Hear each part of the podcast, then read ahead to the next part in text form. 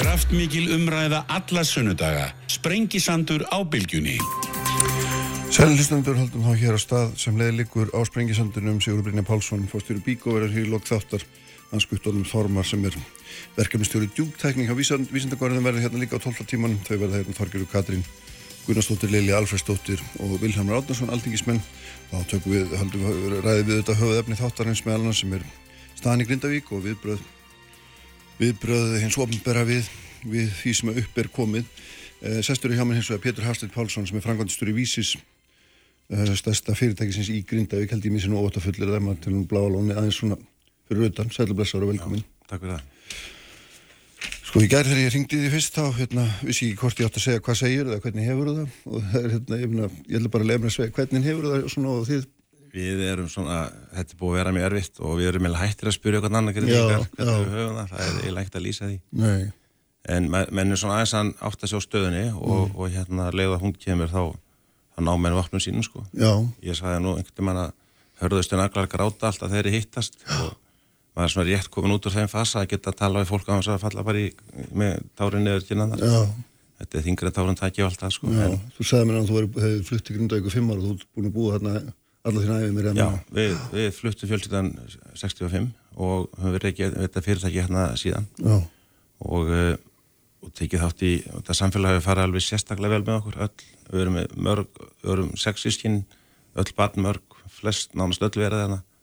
Og börn okkar batnmörg og, og grinda einkenni svolítið af stórum ættum unga fólki kemur aftur og, og þetta samfélag sem er byggjast og ég vona að sé til og ég veit að það er til svona samfélag fleiri, þau eru, eru öðruvísi heldur en samfélagi í Reykjavík en þetta samfélag er þannig að þú bara áttaði á þig sko, þú náttúrulega vissir að það er gott samfélag en það er eins og alltaf að þú áttaði á þig þegar þú missir það Já. það er rosalega mikið svirði sko. já, akkurat Hvað svona ef við aðeins hérna sko uh, að því var mikið þetta að tala um heimili fólks og, og allt þetta sem eld er auðvitað í upphafið en mér langaði þess að fá þetta til þess aðeins að varpa svona uh, þínu auga líka á atvinnulífið og stöðnins fyrirtækis og að því að án þess verður nú vist ekki Já. ekki mikið gert Sko, sko, þó að ég, ég er sko, það hefur eðlilega aðal fókusum verið á fólk Mm. og, og hægið þess og það er búið að lýsa því nákvæmlega hvernig það, í hvað standi það fólk er og ég trú ekki öðru en að bara strax eftir helgi komi ríkistótt með eitthvað fyrir fólki en við sögum strax í upphæfi svona og hafa kannski að hangun hróka að við sögum á meðan við sökum ekki sæ, lendum ekki undir hraunni og fólk býr í bænum að þá, þá hérna munum við vera áfram. Og ekkert að þessu er í hendi sko. Nei, sem kannski lýsir svolítið stöðinni og, eh, og þessi byð, við erum að sko þetta brestur á þetta er þannig hjá okkur saltisverkunni sem er svona hjarta hjá okkur byggir á því að fenda kunnum fisk fyrir jól. Þó sé alltaf stöðu afhending það var það svona sísonið og síðan er það þá að afhenda fisk fyrir páska. Og e, við vorum með halvunin fisk í, í, í, í jólasöluna hann í nóvamber og náum að koma inn með erðum tilkostnaði og bjarga þeim fiski og bæta við og náum að sinna okkar skildum gaggat kunnunum fyrir jólin. Mhm. og, og þa- þetta var alltaf kostnaðasamt og en menn settu það ekkert fyrir sig menn, menn þólar við tvo mánuði í einhverju svona eh, vanið því í sjáratvinu en það hefur sjáratvinu ákveðna að segju það er hægt að senka veiðum og, og tekjum og þetta öllu saman síðan fórum við bara í gott sögum jólafrí og á, byrjum ekki vinslánu fyrir 8. janúar. Og það var nú ýmislegt búið að gerast þá. Já, já. Og en, en hvaðan það við byrjuðum þá og, og, og bara sem dæmi um, um sko sveifluðan sem við erum í að þá, þá erum við á síðasta förstu dag að, að því við störtum 8. janúar að saltu sínum skipin fór út á eðlun tíma eh, að þá ætlum við að fara að undirbúa komi fólksins í fristuhúsið og það er sem gisti Þú ert að tala um fyrstæðin fyrir, fyrir vikur Fyrir viku, en- já, já, já, já. akkurat Uh, ég er alltaf komin heim þegar ég búið að funda á laugadegi þar sem að skipa, á, er búið ákveða að skipulegja brottlutning allar á grindaði þrjár vikur. Og, en við vorum okkur ánægð með þá ráðstöfur það hefði gert það verkum, það hefði bara farið skipulegu bæinn. Fyrst þannig að það sem atvinnlífi var og minnstu skemmtundar eru. Og við sáum fram að það að við, þetta væri viku töf og þá getum við farið að, að hérna, þá getum við farið að, að setja í, komið fyrirtækin á þann kraft sem þarf að vera nú við, vöknum á sunnudag þá byrja að gjósa Já, og það þekki að þá að sögu alla og menn eru að fara í halgjör sjokki náttúrulega fram yfir fram því vikunni og maður tekur til þessa atbyrði sko frá því slísin tvö, ég, tekið saman bílslísi þó tengist ekki beint, er þetta mjög, hafði það mikið áhrif á grindíkinga. Mm. Síðan þegar maðurinn týnir til sprungunni og gósið og þetta ger það veltum, er bara alveg umbreyting á öllu viðhorfi, gagvart veru í grindaug og menn átta sig á því á síðu daga að þetta er alvarlegra og langvinnara heldur en menn gáttu svona loðið að sjálfum sér mm -hmm.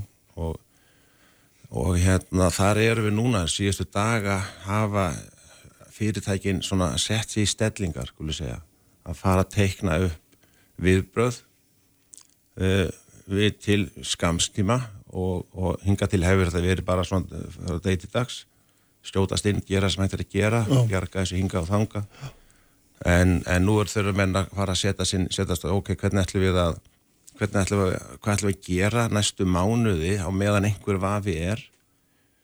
Og ef að ítla fer að þetta ekki, ekkert að þessum atriðum sem ég nefndi e, hvað gerum við þá? Hvernig, Já. hérna hvað hva, hva ætlum við að setja okkur niður ef að grindagur er út úr, út úr myndinni sko? Já, það er svona setning grindagur út úr myndinni sem maður ekki þóra að taka sér í munn í nógumber en núna verður maður bara viðkynna fyrir sjálfum sér að Já, þetta, er, þetta er orðin Já, þetta er orðin staða sko og, og sem er bara möguleiki og menn þarf þá að meta það hversi virði er það að, að, að reyna að halda einhver smá lífi í bænum, halda einhver smá ljósi. Og okkar viðræður og svona spjall, menn þetta er ekkert orðin bara á spjall nótum ennþá er, er hægt að fá að gera hafnasvæði hérna það örugt að, með, að menn kom inn að mótni fyrir út á kvöldi mm. með öflugum viðbrasáallunum þetta er náttúrulega spurning sem almannavarni verður bara að svara. Já, og, þú ert að meina að þið takir bara allt eitthvað starfsfólk inn í bæina Þannig, og... gerð, við gerðum, þannig gerð, við erum búin að gera þetta sko, með erðum tilkostnaði. Og fyrirtækin er náttúrulega að blæða peningum með hann að gera þetta en þetta er hægt í einhvern skamman tíma til að bjarga mörguðum og öðru slíku og við gerðum það. Þannig við höfum alveg einslu af því þess að við nefndi bílslýsið mm. að, að, að það standa mjög vel að þessu. Það er jægt mikil áhætt það er ennþá meiri áhætt að vera keirandum á vetartíma millir byðala í vinnu. En það er alveg hægt að stilla upp einhverju dæmi þar sem að, menn, þar sem að fyrirtækin halda sér gangandi þó að sé einhver með einhverjum töfum. Mm. og, eh, og spara þar með ríkisöði talsett af þessum eh, launagreislum sem verið að greiða til, til, hérna, til, til fólks heima og þetta er alltaf gert nema með, með við, við, viðkenningu frá valmannavörnum og viðkendum aðurum. Þetta væri svona skamtíma pakkin sem við getum kyrst einhverja mánuði Þetta, og, og á meðan að meðan að menn fá skýrari sörum hvað er að gerast mm. Jærfræðingar segja að þetta er svona byggtími frá 1 til 10 ár upp, frá 1 upp í 10 ár og minna mér býða með ekki til 10 ár sko Nei. en þannig að en það er, þetta er bara þessi stund er komin upp að fyrirtægin sko þurfa að fara að segja fólkjunu sínu hvað þau eru að hugsa. Alveg rétt eins og ríkissjóður og ríkistjóður þarf að fara að segja fólkinu hvernig allra er bjargaði. Já, og hva, hvað er raun að vera, ég veit, kannski er þetta órann að spyrja þessu, en hvað, hvað þóliði lengi að svona að býða og, og keira fólk hugsanlega inn og út og hugsanlega að vera með ykkur að vinslu og er... Þetta er ekki spurning um, að þóla, heldur bara hvað er skinsamlegt, sko. Já. Það er alveg saman hvað verið gert, segjum við fyrir að koma okkur fyrir einstu anstæðar, þá er það kostnæðars, og krest mikið undirbúnings. Þannig að það er svona þessi samfella sem þarf að vera við erum, og það er fullur vilji og, og allt það en, en, en menn er bara komði á, á þennan harða húsbónda stæriti sko og raunveruleika mm. að þetta þarf að fara að teikna upp og ég held að menn þurfa nú að stilla sér saman sko sveitafjölug, ríki, verkefælisfjölug, fyrirtæki. Hvað er við að gera, hvernig ætlum við að hver, hvert er milliplanið okkar? Mm. og, og, og hvert er svo langtímaplanið okkar? Mm. milliplanið er það að eitt sem hefur rætt að fara með fólki okkar á okkur aðra fiskvöndlustöð sem að fengjum að vinna setni part dags því það er illa nýtt að fiskvöndlur út um all, út um all land. Já. það krefst samninga við verkefælisfélög og, og okkar Samkomlags við starfsfólki ykkur um að fara eitthvað alltaf Já, já, það, það er, það er einstaklega svo það er mjög viljut að koma í vinnu. Já. það er drift um alla sveitir og það er mjög viljut og það finnst öllum rosalega gott að koma í vinnu. Ég, ég kvíði því ekki, það þarf þetta millifist ástand eða eh, við getum látið vinna fiskin í vertöku, við getum seltan frá okkur og, og senda alla heim og það er fullt af möguleikum sem sjávarútveikin hafa. Mm. en allar, allar umræður, allar, allar, allar skoðanir hafa alltaf snúist að því að koma okkar fólki í vinnu Já. og bjarga geðhilsu þeirra eins og annara þeir eru nefnið þessar stóri samstöðu sem að það er svona eitthvað að, að að það er allir, það er allir í þessu hús það, það er eitt sem að ég hef nú verið, það var nú sko eini grindvikingurinn sem að talaði ekkert mjög háa rómi en, en um saminningu sveitafjöla sögunu og ég, eitt sem að ég myndi vilja sko kasta fram með það að bara sem byrjunaritt er að búin út bara hérna stækkum heimavöldin tökum búin til sveitafélagir söðunis sunnar við Hafnarfjörð. Uh, fjáraslega skipta eitthvað sér ekki alveg öllum máli en tilfinningarlega og þetta er mjög stórt tilfinningamál. Mm. menn að tala um að færa samfélagin á milli staða, menn að tala um að byggja nýja grinda við gerum þar. Já, ef við stækkum heimavallin og segjum bara, nú, bú, nú erum við bara söðunisamenn við erum notnið söðunisamenn og, og við færum starfsemin okkar, all þjónust þetta er allt samtingt, þjónustan sem við hefum notið stóri fyrirtækir með verkanir sína, landaninnar eh, ferðarþjónustan, þetta er allt samtingt og hvað myndi gerast ef við segjum að við, við svona mælust til þess að, að við færum starfsemina yfir skagan no. það sem það er hægt, nú er ég bara að tala óabitt kakast öllum. Já, já. En, en hérna að við búum til sveitafjalli Suðunis og hvað getur, hvað er að vestarsingundu gerst, það er að Grindavík hvað er bara undir raun og við þurfum að flytja alla starfsefinn og allt fólk yfir, á, yfir, á, yfir skagan Já. þeir sem það kjósa uh, við værum þá með, komum með einhvern sko vinsælasta ferðamannastað veraldar mm. sko með að það bláa lónið og allt haldi sér uppi og, og sagan sem er á bakvið þetta, þessi saga sem við erum að upplifa er bara ljóslifandi og fólk færi semst heldi sér í starfi hjá sömu fyrirtækjum mm -hmm. á, í annari götu Já. í öðru hverfi, ekki öðrum bæ. Að, og, þetta, og það lítur að kalla á núna uh, allt, anna, allt aðra nálgun og allt skipulag hérna, skipulag hérna, sko varnargarðar gagvat eldgósum uh, innviðirnir ramagn, öryggi, örygta ramagn vatn og allt þetta sem tilfellur að sveitafélagsögun, samband sveitafélagsögun sem unnið þétt saman. En, en sko grindaði okkur bær núna er vantilega tekjulegs í 1-10 ár? Já, já. og ef við náum að búa til einhverja stemming og fólk þarf stemmingu og stefnu og einhverja trú. Og að tak, byrja á því að búa til einhverja svona sín sem að gæti þá hendað kannski þegar sem mennir að spáði að helmingur grindingu kæmi aftur eða væri, allt væri vel. Já. En kannski væri bara því fjóruðu sem kæmi, þetta myndi henda og, og hérna það er svona einhver, menn þurfa svona að taka núna þóra að segja þessar setningar Já. bara grindag er ekkert það er ekkert örugt að hún verði neitt áfram sko. nei, nei. og við þurfum að búa til millistíð og, og, og ég hef segjað að þessi tímapunktur er komin uh, hver í sínu hodni er svona að teikna upp sviðsmyndinar, svo vinsalt að segja og uh, menn eru lausi við grátinn úr hverkonum þetta mm. geta talað og hugsað og einhvers að það sko farnar að hugsa með höðun ekki hjartan sko. Já, já, akkurat, en hver, hver á að hafa hver á að frumkvæði?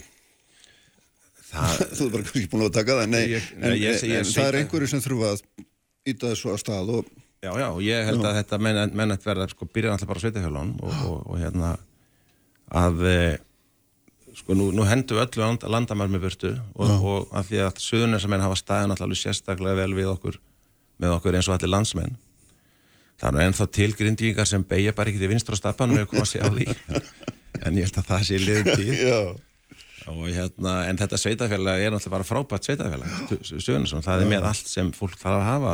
Það þarf að byggja efla hana öldrunarþjónustu og, og sjúkarþjónustuna og helsugjæsluna og þetta bara, við, erum alveg algjörlega nýjum veruleika í þessu. Já. en með fullta tækifærum til þess að taka nú þennan pakka. Já. með stærstu fermannstæði landsins með alþjóðflugöldin, nálat höfnum fullta fólki mm. og, og, og innviðina Getur þú ekki vísi einhver starf annar staðar á söðunisum?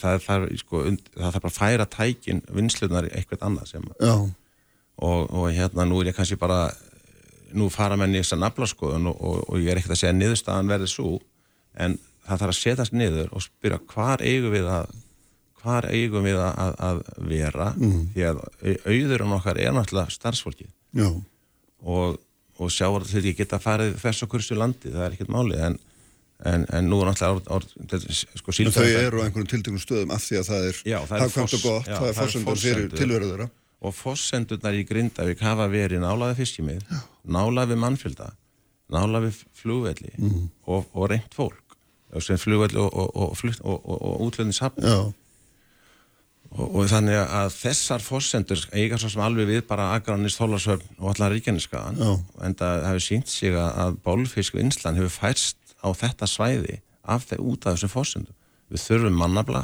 þurfum, þurfum þjónustu og þetta er allt í staðar. Mm. og, og sveitafélagi Suðunes getur bara hefur rosalega stórt og mikið tækjafæri til þess að taka svolítið taka svolítið sko frumkvæði í þessu. Mm. að, að, að, að veita fólkinu sem er nú fórsenda alls sem við erum að tala um að veita því svona svona, já, þetta skulum við gera förum við þetta hérna. Og segjum sem svo sem ég trú ekki öðru en að ríkistjónin komi núna bara strax á morgun bara í, á fyrsta degi þegar þing kemur saman með einhver alveru laustur í fólk að þá fer það að segja ok, hvað á ég að koma niður? Mm. og, og, og, og hérna við þorparanir eigum erfitt með að vennast umferðinni í, í Reykjavík en fyrst og næst nýst þetta bara um atununa, um íþjóðsarfið og samt getur búið til. og þá munum verða til þessi litlu grindisku samfélag sem blanda síðan og menn eru nær hver öðrum og svo framvís þannig að þetta, þetta er allt í staðar og ógrinni svo ekki er ekki bara allt í hættu. Mm. og, og ég, ég vil nú ekki alveg trúa því ég vissum þetta þar sko. nei, nei, ekki, en, en þetta er eitthvað sem að það er eitthvað svona, það er engi með endarlega lausn í dag. En menn verða að sittast niður viðkjöna stærrendir og fara að teikna upp millileikina sem, mm. er, sem ég kalla svona sem næsta ár Já.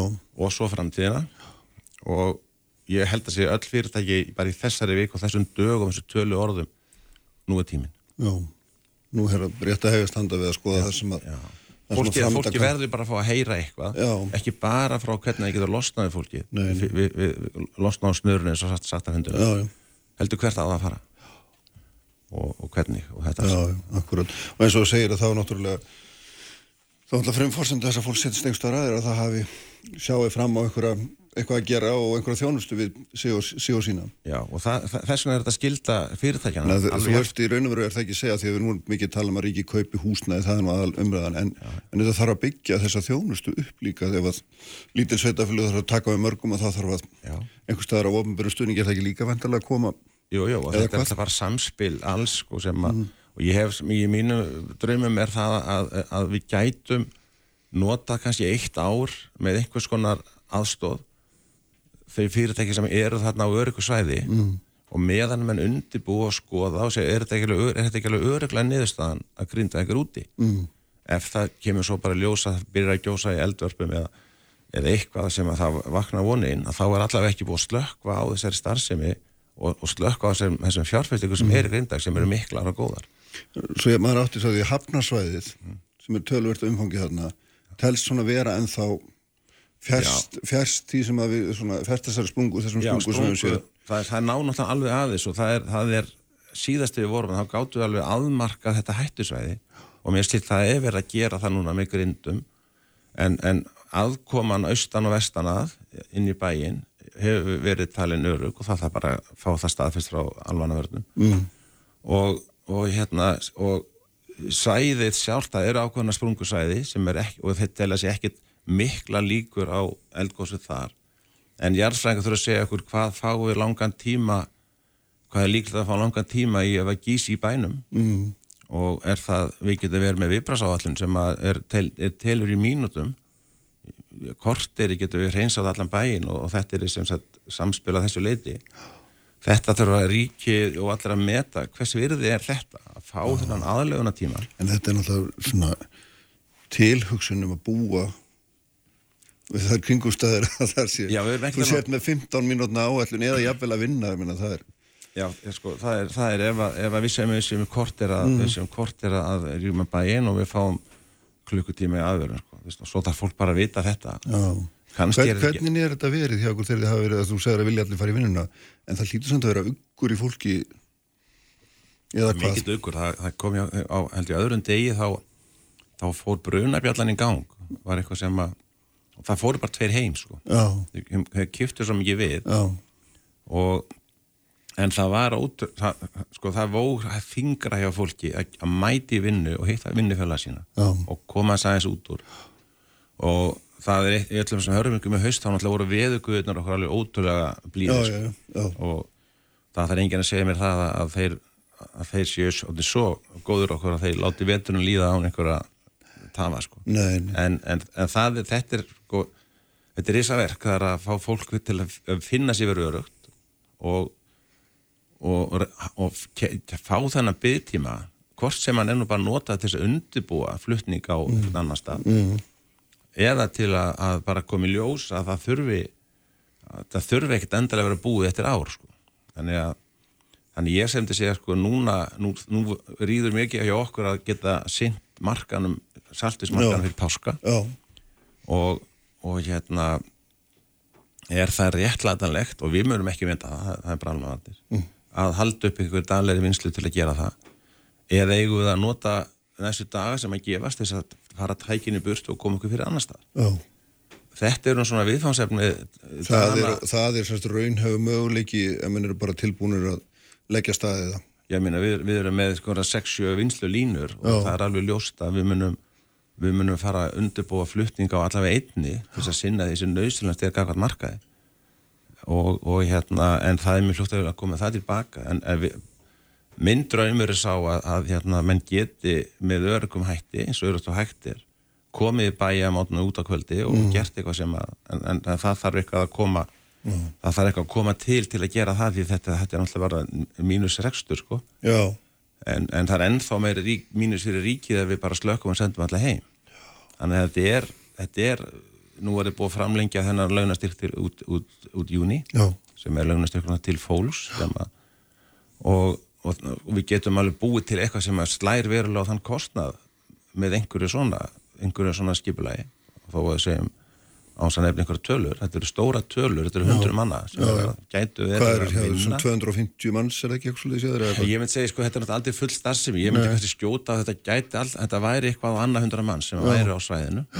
Og svo einhverju þjónustæðila, 100-150 mann sem væri þá að vinna og, og, og myndi þá við geti slegið á kostnæðan hjá ríkjunu sem það er en enn og aftur aldrei gert nema með viðkendu stimpli frá almannaverðnum um öryggin og við þurfum að vera í því.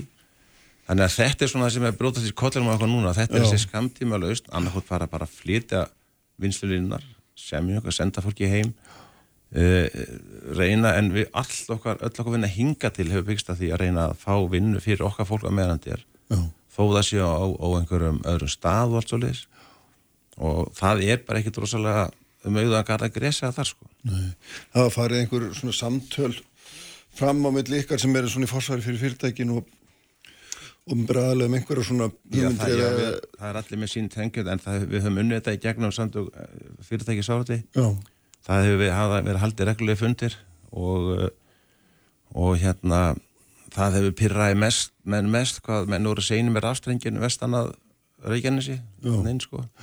en menn, það er samt allir að gera allt sem ég geta að kunna og, og, en, en það hefur það er svona nokkur aðtir sem er en, en menn er að benda á hvað maður byrju fara og, og hvern- hvernig maður standa og það, þetta er svona haldið það hefur, það hefur verið í gegnum samtökin þar sem að svona hinn formlegu samskipti almanrættina eru en svo er allir bara með sín sambönd og reyna já, að já, hringir, hringir maður í mann og já, já, og ennþá er búið á þannig landi að það er ekki, því er ekkert illa tekið en, Nei. En hérna, en auðvitað best og við vinna allir að því að hafa þetta einhverju föstu farfi sko. En e- eitt af því sem alltaf skiptir alltaf mjög miklu máli fyrir allan rekstur er þetta bara aðflutningur á vatni og, og Já. rafmagni eins og þetta nefna sem er allt, í, allt alltaf líka í uppnámi og allt hérna fráveitukerfi og hvað þetta heitir allt. Já, já, og, og, og, hafnasæði sjálft er heilt að þessu litinu og mér skilst að núna eru þeir að lýsingar á því þeir eru að, er að grafa upp brunnin, vassbrunnin sem er lent undir raunni já. Og meðan að gera það þá er slökkuliðið og sprautar og kælir raunni með svo ég geti gert það sko. Já, og þeir eru að leggja rafstæðing yfir raunni sko en það er margur bent á það að þessi, raf, þessi tenging vest, að vestan frá Reykjanesvirkjunni áttur náttúrulega að koma fyrir lungu já, og allt gott allt um það, það verður allt en, en, en, en orkufyrirtækin er á að gera allt sem er aðurleiti alveg fullu og, og við trúum því að við trúum því að, að hérna, það verður komið vatn á rafmagn. Við erum reynda með ljósavel og búin að setja hann upp í fristúsi mm. Og við getum, fyrirtækin geta að bjarga sér á til dæru litlu kostnaði að fá sér ljósavelar sem að keira ramagn að það er ekki þess meiri orka að, að, en þessir innviðir allir séu og all, að þetta, það er allir leysanlegt sko. stóra máli er öryggis Já, já, sko. já, nú, nú er alltaf vetravertíðin að hefjast ekki satt. Jú, hún er bara Hva, hva, hvað gerur þú? Sendur þú bara skipin út og... já, já, við höfum hva, hvernig... Já, við erum, sko, við erum með við erum að hluta til með hérna dreifustu á Saltvík út í, út í Þískalandi og við höfum sendt svona lámarks þar sem við þurfum að til þess að sinna að, að það er unnið út í Þískalandi hluti af þeim sem þarf fyrir markaðin og uh, síðan höfum við verið í samvinnu við við, þeirra, við hérna akkurreiringana þeir hafa fengið eitthvað fiski til þess að sinna okkar gunnum það hefur verið að hægja eitthvað skipum og við fækkuðum mist skipum áramótin og, og, og, og hérna og menn svona það sem menn tapaðist núna að framlega núna í þessa tvo mánu eru menn undir eðlum kringstæðum alveg hægt að taka upp setinlut ársins. Já, en, en hérna en við, nú þarf að fara að grípa til það og, og hvort sem það er gert með einhvers konar svona fyrirkomulegi, bara eins og við höfum þá verið gert, Já. sem þarf þó að taka til til þess að það er, við meðum ekki stoppa marga daga. Þetta er svolítið, svolítið hérna brálæðislegt þegar maður segir sko, fá ekki að vinna hann inni á milli gósa og, og hérna það stoppa alltaf eina, tvær ykkur á milli og svo en, en, en, en þetta er, nú, nú eru skipin bara að og, og, og, og á, á reyndar á ekki á sama krafti og vennilega þannig að en sko páskaðar er snemma. Það ríður mikið á að vera fljótur að verkan og þann saltfyrst þeir eru að vilja fá þá. Já, og þetta er ekki bara að tapa einnig sölu, þetta er að halda mörkunum og halda kunnunum halda viðskiptarsamböndunum. Það er alltaf einhver annar sem er til í að koma, Já, já, þeir, eru, þeir banka og það er, það er sko okkar kunnar er búin að fá það, búin að heyra það að síðasti fiskurinn sé farin frá vísi og þurfi ekki að fá það meira og allt þetta sko. já, En við erum svolítið að bjarga okkur þar í, í Þískalandi með, í vinsluðsjóð sem er svona dreifist og þar hefur við unni fiskar á annars staða frá, Alaska og, Mm. og, og, og Noregi og svolítið. Notum það og, og bara sem meðal svo er bara all spjót úti að leita allra leiða til þess að geta synd þessu. nú koma stjórnmálamennir hérna eftir, eins og þú veist, Já. hver er skilabúðin?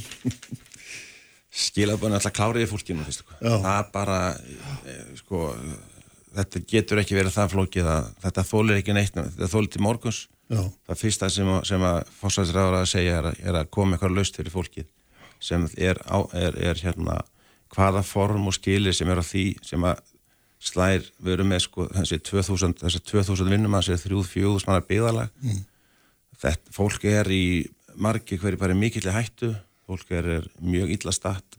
Það er búið að eigða eigi spara fyrir sínu og veit ekki neitt og neitt og bara ávísun á, á stórslis ef að menn kom ekki alveg leginn, það er bara fyrsta mál.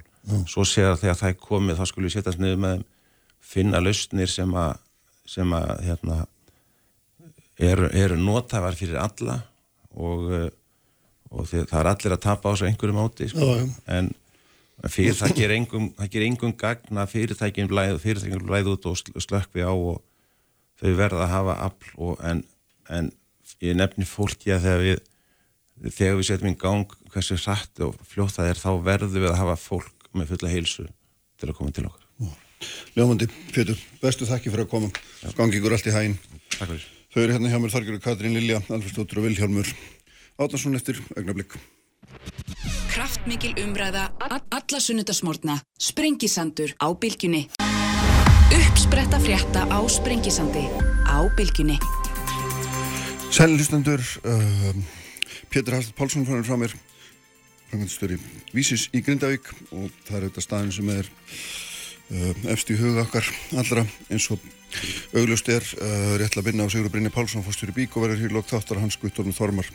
Verkefnstjóri djúptækni hjá Vísindagörðum verður hérna líka á eftir en þau eru sest hjá með Lili Alfredsdóttir Þorgjörður Katrín og Vilhjálmur Átnarsson, sæli blessu öll, velkomin. Takk. Hjá- takk. Hérlega. Sko hann hérna, Pétur uh, var klar á því hérna í login, skilabóðin, það verður að koma eitthvað á morgun.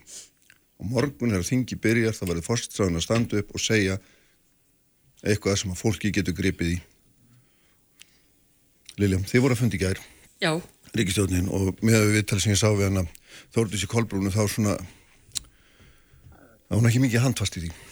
nei, það, ég get sagt það að uh, það kemur eitthvað á morgun. Það og það er ekki, ekki eitthvað heldur við erum búin að fara mjög vel yfir stöðuna og ná eins vel utanum hana og hægt er uh, á þessum tímapunkti. og uh, það var ekki sangjast að mér að fara að upplýsa um það hvað verður tilkynnt á morgun.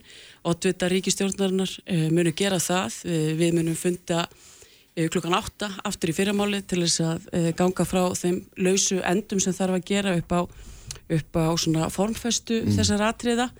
En ég get sagt að við erum búin að eiga mjög góða fundi og erum búin að funda líka náði með leikil aðalum í Grindavík um, upp á framtíðina og í mínum huga hefur þetta í raun og veru og er þetta í raun og veru einfalt. Um, ef við teljum að Íslands er stert samfélag sem við erum þá náum við vel utanum þetta. Vegna þess að ef við lítum á umfangið þá eru til að mynda allt íbúðar húsnæði grindavíkur í kringum uh, 1,6% af landsframleyslu heildar hagkerfi grindavíkur í kringum 3,6 og þannig að þetta eru allt stærðir sem ríkisjóður Íslands e, og ég ætla nú fyrst að nefna mm. náttúruhamfara náttúruhamfarasjóður, ríkisjóður Íslands, lánastofnanir og öll svo auðmyndun sem hefur átt sér stað á Íslandi á síðustu, síðustu áratugum nær utanum þetta.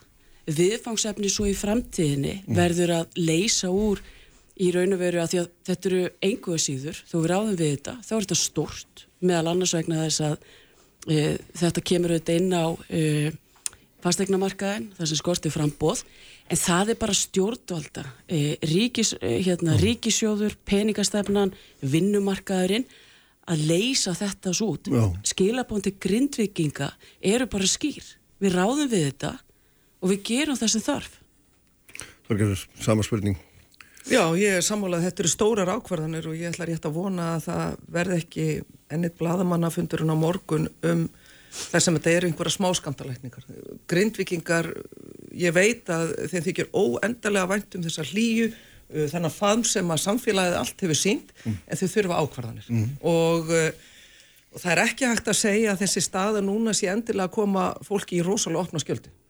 Þannig að, að uh, við gerðum þetta vel, til dæmis í COVID, við slóum strax gjaldborg vel utan um fyrirtæki til þess að láta þau virka, láta þau fungera þannig til allt væri liði hjá.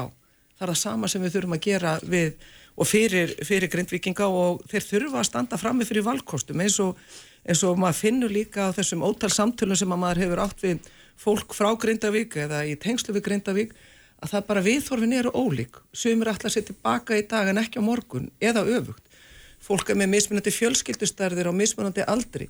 Þannig að ég held að það sem að skipti mestu máli er núna að það komi fram tillögur og ákvarðanir frá stjórnvöldum sem að emmitt eigða hvað- óvissu og eigða þessi þið- öryggi og það hefur margt verið, verið nefnt. Þú þarft ekki að stela glæpnum á ríkstjórninni, en hvað finnst þér nákvæmlega, hvað, hvað finnst þér að væri svona viðunandi, Ég til að mynda að, að það standi alveg skýrt eins og varðandi og hefur verið nefnt varðandi uppkaup á eignum, mm. forkaupsrétt grindvikinga.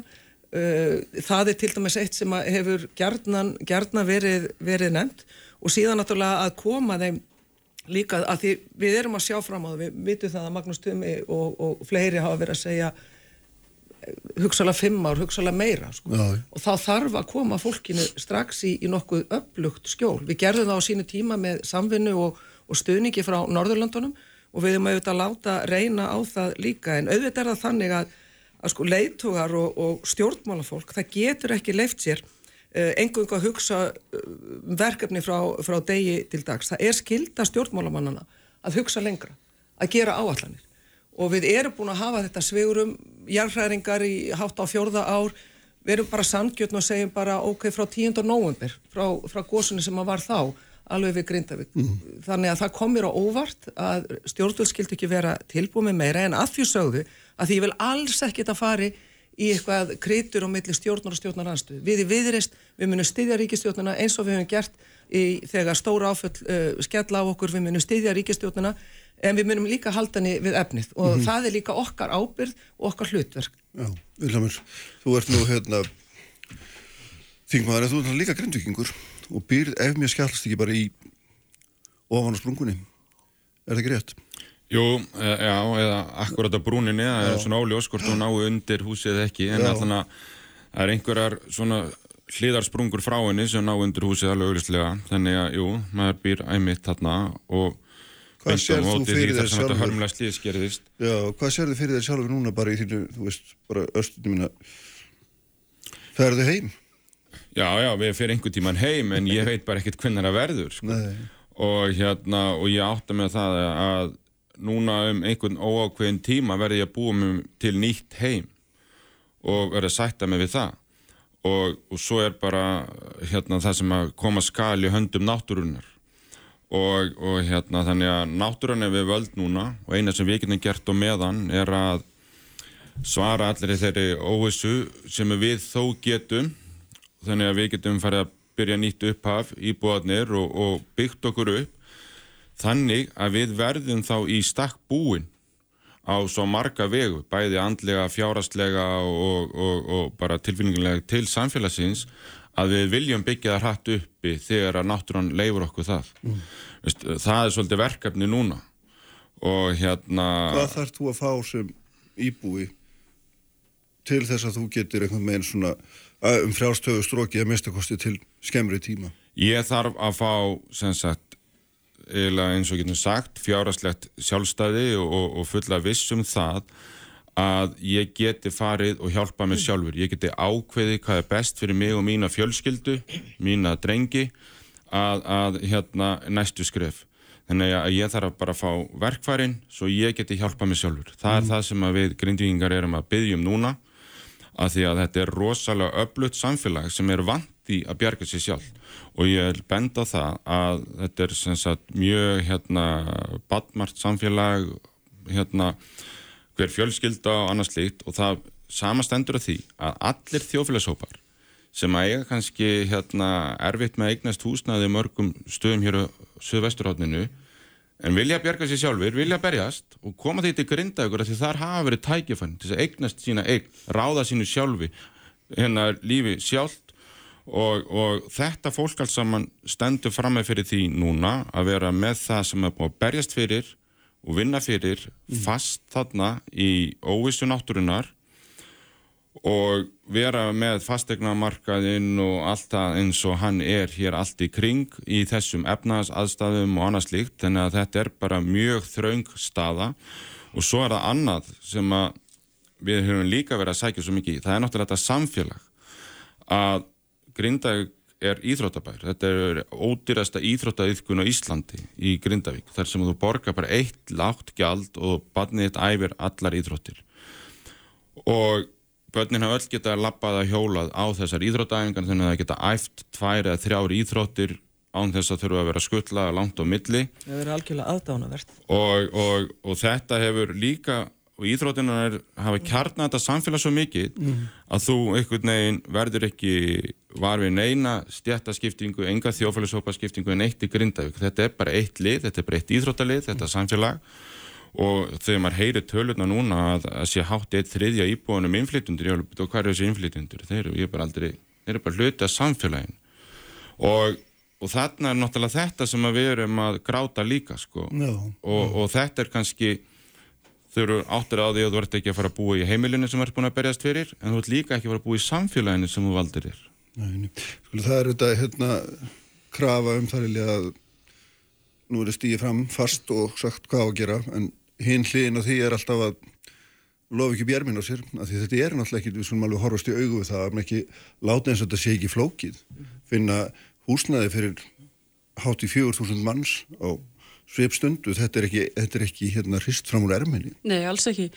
Og uh, þess vegna ætla ég að segja það að mér fannst uh, íbúafundurinn sem var haldið núna í vikunni og uh, mér fannst hann mjög góður og mér fannst líka gott að við værim í landi þar sem ráðamenn mæta og þó þeir hafi ekki öll svörin og eru átt að segja stöðunni að þeir mæti á, á stóran íbúafund hlusti, þá eru þetta fyrst og fremst þeirra hlutverk vegna þess að, að það er, við erum auðvitað búin að funda núna stöðugt með okkar helstu, helsta vísindafólki uh, hagfræðingum, við erum búin að fá mjög góða greiningu á því hvar, hvernig uh, húsnæðismarkaðurinn er og það er búið að fara yfir það alveg frá því bara þú veist hva- hvaða íbúðir eru stopp vegna þess að vextir eru svo háir, hverja geta klárast og við erum þegar byrjuð að sjálfsögðu að huga að mótvæðis aðgerðum vegna þess að þó að við ráðum við þetta eins og ég segi og ég fullir það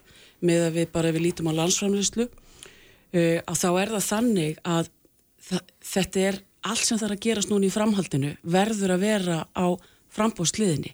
Það þarf að stór auka frambóð og íbúum. Og ég segi það til að mynda eins og fyrir uh, mitt ráðanetti. maður segir í hundrasta sinni í stjórnmálunum þetta er enga skamtíma lausnir Já, ég, ég skal, við skulum ekki hérna, ég held að uh, það sé komið tími og þetta er akkurat þannig ástand að við auðvitað verðum að vera framsýn og klára þetta með sóma eins og við gerðum með COVID. Og ég sé ákveðin e, tækifæri í þessu vegna þess að það verður bara að byggja mm. og við til að mynda núna, ég meina ég er að klára fyrir marg varandi e, heimagistingu hvernig við e, aukum frambóði gegnum hana með skattalögum kvötum, það er eitt þar sjáum við mögulega e, hundruð íbúa sem getur farið fljótt á markaðin og það þurfum við auðvitað að gera með skattalögum kvötum e, ég veit að til að mynda hér í Reykjavík að það stendur til að fara í stór átak það er búið á kortleggja hvaða svæði, þar eru við að tala um mögulega hundruð íbúða mm. e, þá segir fólk á móti en býtu peningastefnan, vextur eru gríðarlega háir og það eru auðvitað það sem er að hindra stöðuna eins og hún er og það sem við höfum auðvitað séð og ég farið yfir mjög vel, ég fór í gamla hérna, hérna hagfræði gýrin og fór að skoða sko hérna e, hagskíslu frá Nýjasjálandi alveg frá 2012 vegna þess að 2011 verður þar mjög stór jarðskjálti í Christchurch eins og þau minnið og fyrir að skoða hvernig þeir fóru í, í þetta. Og þar kemur auðvitað strax í ljós að það verður alveg opbóslega mikill þungi á frambúsliðinni En, og ef þetta á allt að ganga upp svo þess að stóru þjóðastærður okkar fari ekki á flegiferð, þá eru bara allt sem við erum að gera e, þessa dagana mun miða að því að bæta frambóðsliðina Mhm. og við erum þegar búin að sjá nákvæmlega e, hvernig er hægt að gera það. Ég nefni til að mynda eitt að þegar maður skoðar e, hagtölur e, frá Já. hérna Nýja Sjálandi. Já, já, já, já, lagi, kláraðu bara, ég, ég held nefnilega að þið muni finnast þetta af því að mér fannst þetta mjög merkilegt. Já. að þar til að mynda sjáum við það að, að húsnæðisverð e, hækkaði mjög mikið eftir, eftir jarðskjáltan en verðbólgan gerði ekki og það er mjög ábyrrandi og ég spurði e, Sælabankastjóru út í þetta. Það er vegna þess að húsnæðisleiðurinn í vísitölu nesluvers hann er bara hvergi eins og hann er hjá okkur. Og ég segi bara, þú veist, það þarf að breyta þessu núna. Við erum búin að tala um þetta í 20 ár. Við byrjum að tala um þetta í Sælabankunum svo 2005 og við getum ekki farið í þessar stóru aðgerðir e, þar sem þarf að auka frambóð nefnum við hugum að þessu. Ekki hugum, við þurfum að gera þetta Já, við getum, og það er margt til í þessu sko, en við getum alltaf farið í þessar heima tilbúnu aðgerðir sem að við þurfum að smíða utan í vita máttlusan gjaldmiðl og endanum kostar hann mjög mikið. Það er ekki takt að leina því. En þegar við horfum núna á bara hvernig ríkisfjármjölun hafa, hafa verið, uh, og þá er það líka að koma svolítið í bakið á okkur. Mm. Uh, þessi mild, mikla skuldaukning og, og hallin sem er gert ráð fyrir næstu, til næstu ára og við sjáum það bara að uh, vakstakjöld ríkisjós uh, 106 miljardar, það er um það byrj svo upphæð sem við erum að tala um í tengslu við, við, við Grindavík. Verkefni við Grindavík það er risastórt og við eigum að vera samend og saminuð í því Uh, ég veldi fyrir mér hvort að það eigi að vera, ég ætla ekki að segja þjóðstjórn utanum þetta verkefni, en þetta er það stórt og mikið að því við þurfum að taka mjög erfað umræða líka á vettvangi stjórnmáluna hvernig ætlum við að fjármagna þetta? Verður, þurfum við að fara annars stær í niðurskurð? Þurfum við að fara í skattahækkanir? Það var farið í ákveðna skattahækkanir í tengslu við Vestmannaeyjar af því að þjóðin vildi leggja sitt að mörgum til þess að, að byggja upp þetta frábæra samfélag sem Vestmannaeyjar eru. Og það sama viljum við náttúrulega gera með, með Grindavík að, að við fá allavega á tilfinninguna að það sé verið að gera allt til þess að leifa þeim að velja. Að því mér fannst Villi, Viljálmur lýsa þessu svo vel með svona ákveðna tilfinningar sem að, sem að við hljótum öll að skinja og þá er það verkefni okkar stjórnmálamannana að, að fari það og ekki, ekki samt komast hjá þessum erfiðu pólitísku spurningum um það hvernig við leysum þetta. Já, við leysum þetta. En ég tel í því samingi að það sé falsætla að við gerum það sem, sem mest saman heldur en svona að heldur en í sikvoru hodninu og það verður bara komna að setja fram einhverjar, einhverjar tilkynningar. Mm -hmm. Þetta er dæmi um, um þannig, þannig verkefni. Já, sko, eitt af því sem að Pétur nefndi hérna á hann var svo er sveitafélaginu Suðunisum búa til einn Suðunis búa til nýtt heimili með því að þú getur flutt aðrum einn á skaganum og yfir og þú sért ekki að flytja úr Grindavík heldur bara innan bara í nýtt hverfi, sama sveitafélaginu Ugnast er þetta? Sko ég held að þetta sé einmitt eitt af því sem við grindingar sem aldrei vilja ræða samningu, við erum mjög sjálfstæð og, og, og gengið vel en náttúrulega ef að það verður ekki íbúar, vonandi verður mjög öflutt atvinnulíf áfram í Grindavík núna næstu missurinn, ekki næstu eins öflutt að hefur verið, en ég tel að, að stærstu atvinnueiningarnar eigi að geta gengið eins og staðinir í dag bara það er aðlæga það, það. Og, og þá segir það sér náttúrulega sjálft að við þurfum þessa grunn innviði þess að reka þetta svæði og við þurfum hérna aðkomið svona heimarfólks í því. Og, og þá verður við bara að augljóslega horfa fram í þá staðrind að það er nærtakast að gera það með nágrunum okkar. Þannig að ég held að þetta sé einmitt bara laust sem við þurfum að skoða mjög alvarlega. Mm. Og, og þá þurfum við líka grindingingan aldrei að flytja lögumölu okkar úr sveitafélaginu, mm. þá getur við bara haft það ennþá sama stað. Og að útsvarið okkar fer í því og, og kraftar og við getum þá kosið fólk sem ætlar að byggja upp okkar gamla svæði aftur. Og, og þá er, er við líka að ganga inn í bara mjög öflögu innviði með félagsjónustu, skólaþjónustu og, og æskulistar og allt þetta þannig að ég hugsa að, að þetta gæti leist mörgmál og gæti verið mjög öflugt í því að, að, að byggja þetta samfélag mm. og halda samfélagun okkur saman og, og, það, og þessi sveitafélag á sögnu sem mun að sjálfsögðu hjálpa okkur að halda merkjum ungmennafélagsins grindaðegur uppi og, og hérna það er viðkomast að máli, það er, það er, það er nafnið á Íþróttafélaginu, það er á undan það sem ræður alltaf úrslutum mm. sko. Íþróttafélaginu eru oft stærsta politíki það er, maður hugsa bara heim með að fá að hugga sko. Já, já, nákvæmlega en það er hérna sko að því að það var svo áhugavert viðtal við Trösta Valsson hérna skipilars doktor í, heimild, í heimildinni þar sem hann var að, var að lýsa því hvað verið margsins búið að fara yfir ímis hættusveið á Íslandi meðalansreikinu sem mörg önnu líka mm. Og við varum svo, svo mikið hróki nútímamannunum segjum að við, bara, við byggjum bara það sem okkur sínist Já, ég... og, hérna, og nú kemur því í alvöru tala það þarf að hugsa um þetta líka í kringum þinn ástsæla hafnafjörðarþorgjur minna, hérna, verja byggðina. minna, er það ekki næsta skref í Jú, ég er líka búin að senda inn fyrirspill núna í, í vikunni mm. til fórsættisáður um það hvaða Vinn farin að staðvarandi áhættum að fyrir Hafnafjörð, Voga líka, líka hveragerði, þessa þrjá staði sem eru helst núna. Og ég held að að svo vinna verða að fara að stað og við verum að hætta þessum hrókum og hróka og leipidómum þegar kemur að, að búsettu og, og verja okkur. Það er líka mjög margt sem við höfum lært af, af grindvikingum og við sjáum að sumtir að fungera og, og annað mætti betur fara. Þannig að, að við þurfum að spyrja um það, við þurfum líka ég fengi svolítið svona spurningur og ég hef ekki gett að svara því varðandi svartsengi ef svartsengi fellur allavega tímabundið að hvort það sé ekki örugla búið að, að tryggja uh, heita vatn uh, á það svæði sem að svartsengi sem að sinnir nú í dag.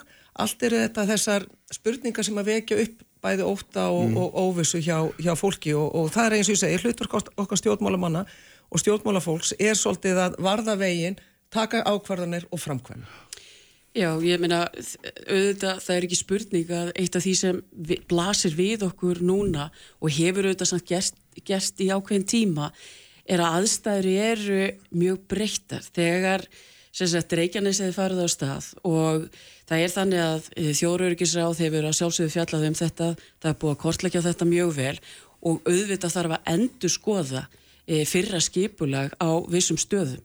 Eh, ég held við þurfum samt sem áður líka að huga að því að við þurfum að nýta samt þau tækifæri sem eru fyrir hendi. Það er að segja að þeir staðir til að mynda á Reykjanesunu þar sem er ekki þessi hætta að við styðjum við það vegna sér algjörlega sammála viljálmi að atvinnulífið verður að vera upplugt eins og því ég er að segja hér e, við getum þetta, við getum náðu utanum þetta, við erum auðugt samfélag en til þess að við séum upplugt samfélag og auðvugt, þá þarf atvinnulífið að fá e, það rými og þann stuðning til þess að geta haldið áfram. Og það vil svo e, sko skemmtilega til að ef við lítum á skuldastöðu ríkisjós þá er hún e, mjög góð við hliðin á flestum samanburðaríkjum mm -hmm. við höfum líka því hér hefur verið að tala samt, já, þá ætlum ég að fara inn í þau vegna við skulum ekki eða löngu tíma. en ég ætla samt já, er rétt, já. Rétt verður að vera rétt eins og Já, Kristján já, já, já. og, og það er þannig að Þorgerur talar um brútt og vakstagjöld það er þannig að ríkisjóður á líka mikla regnir og netto vakstagjöldin er í kringu 30 miljardar. Þetta er ekki stærri fjárhæð vegna þess að ríkisjóður á líka e, veglegar innstæður e, inn í Sæðlabanka Íslands þannig að ég býð okkur um að líka tala upp landið okkar, ekki að vera að fara að nýta tækifærið til þess einhvern veginn að tala niður gjaldmiðlin, sérstaklega sérstaklega, þegar við erum á svona viðkvæmum punkti, vegna þess að hér koma sömur og segja, heyrðu við ætlum að styðja ríkistjónina, en alltaf um leið hún nefnilega, sko ég er nefnilega búin að skilgarna þorgæri svolítið, hún er eins og svona öflug skitta, það er að segja, hún kemur og segir, heyrðu, ég ætla að vera hérna í sókninni, en hún er í raun og verið í sókninni fyrir það, fyrir auðvitað sína pólitísku hugssjónir. Ég segi hins vegar á þessum tímapunkti, þetta er miklu starra mál og hefjum okkur einhvern veginn, sko, tökum stærri sín og stöndum saman, ég sammála e, Þorgeri aldeilis. um það, að það sé mikilvægt að við gerum þetta saman að því að fólkið í Grindavík og Reykjanesinu á það skilið að við stjórnmálamennir náum utanum þetta með staðreindum og séum ekki að fara í einhverjar pólitískar Já, skotgrafs. Östu Torgir, svo þurfum við að fara Já, að ég bara, gera östu hér, já, ég algjörlega sammála því og ég undirstryka við eigum ekki að fara í þessar pólitísku skotgrafir. En ég er líka uh, með fullri virðingu fyrir þessar íþróttalýsingu og, og líkingu þá er ég líka að reyna að læra af reynslunni að vera að segja hlutin eins og þeir eru ekki bara tala hlutin upp til þess að tala þá upp það er margt frábært í íslensku samfélagi en við skulum samt ekki gleyma því að við erum með ríkisó sem er reikin eins og hann er og við erum með minnsta hagust og mann núna innan OECD-ríkjana og við getum ekki verið að skauta fram hjá þessu. Við þurfum sterkari efnaðarstjórnum. Við getum ekki leift okkur lengur út, þessa útþenslu á ríkisbaknunu. Hún kemur í veg fyrir það að við getum tekið enn myndura á málum eins og núna sem að blasa við okkur við verðum. Núna er verkefnið, við erum öll saman í því að taka ákvarðanir og þar leikur ábyrg ríkistjórnarinnar, Frankvæntavalsins, að setja borði tillögur sem að við sjáum að munu raunverulega hjálpa grittvikingum og vinum okkar þar. Við þurfum að gera östu dölusingalli Þú farið plass á þetta yfirli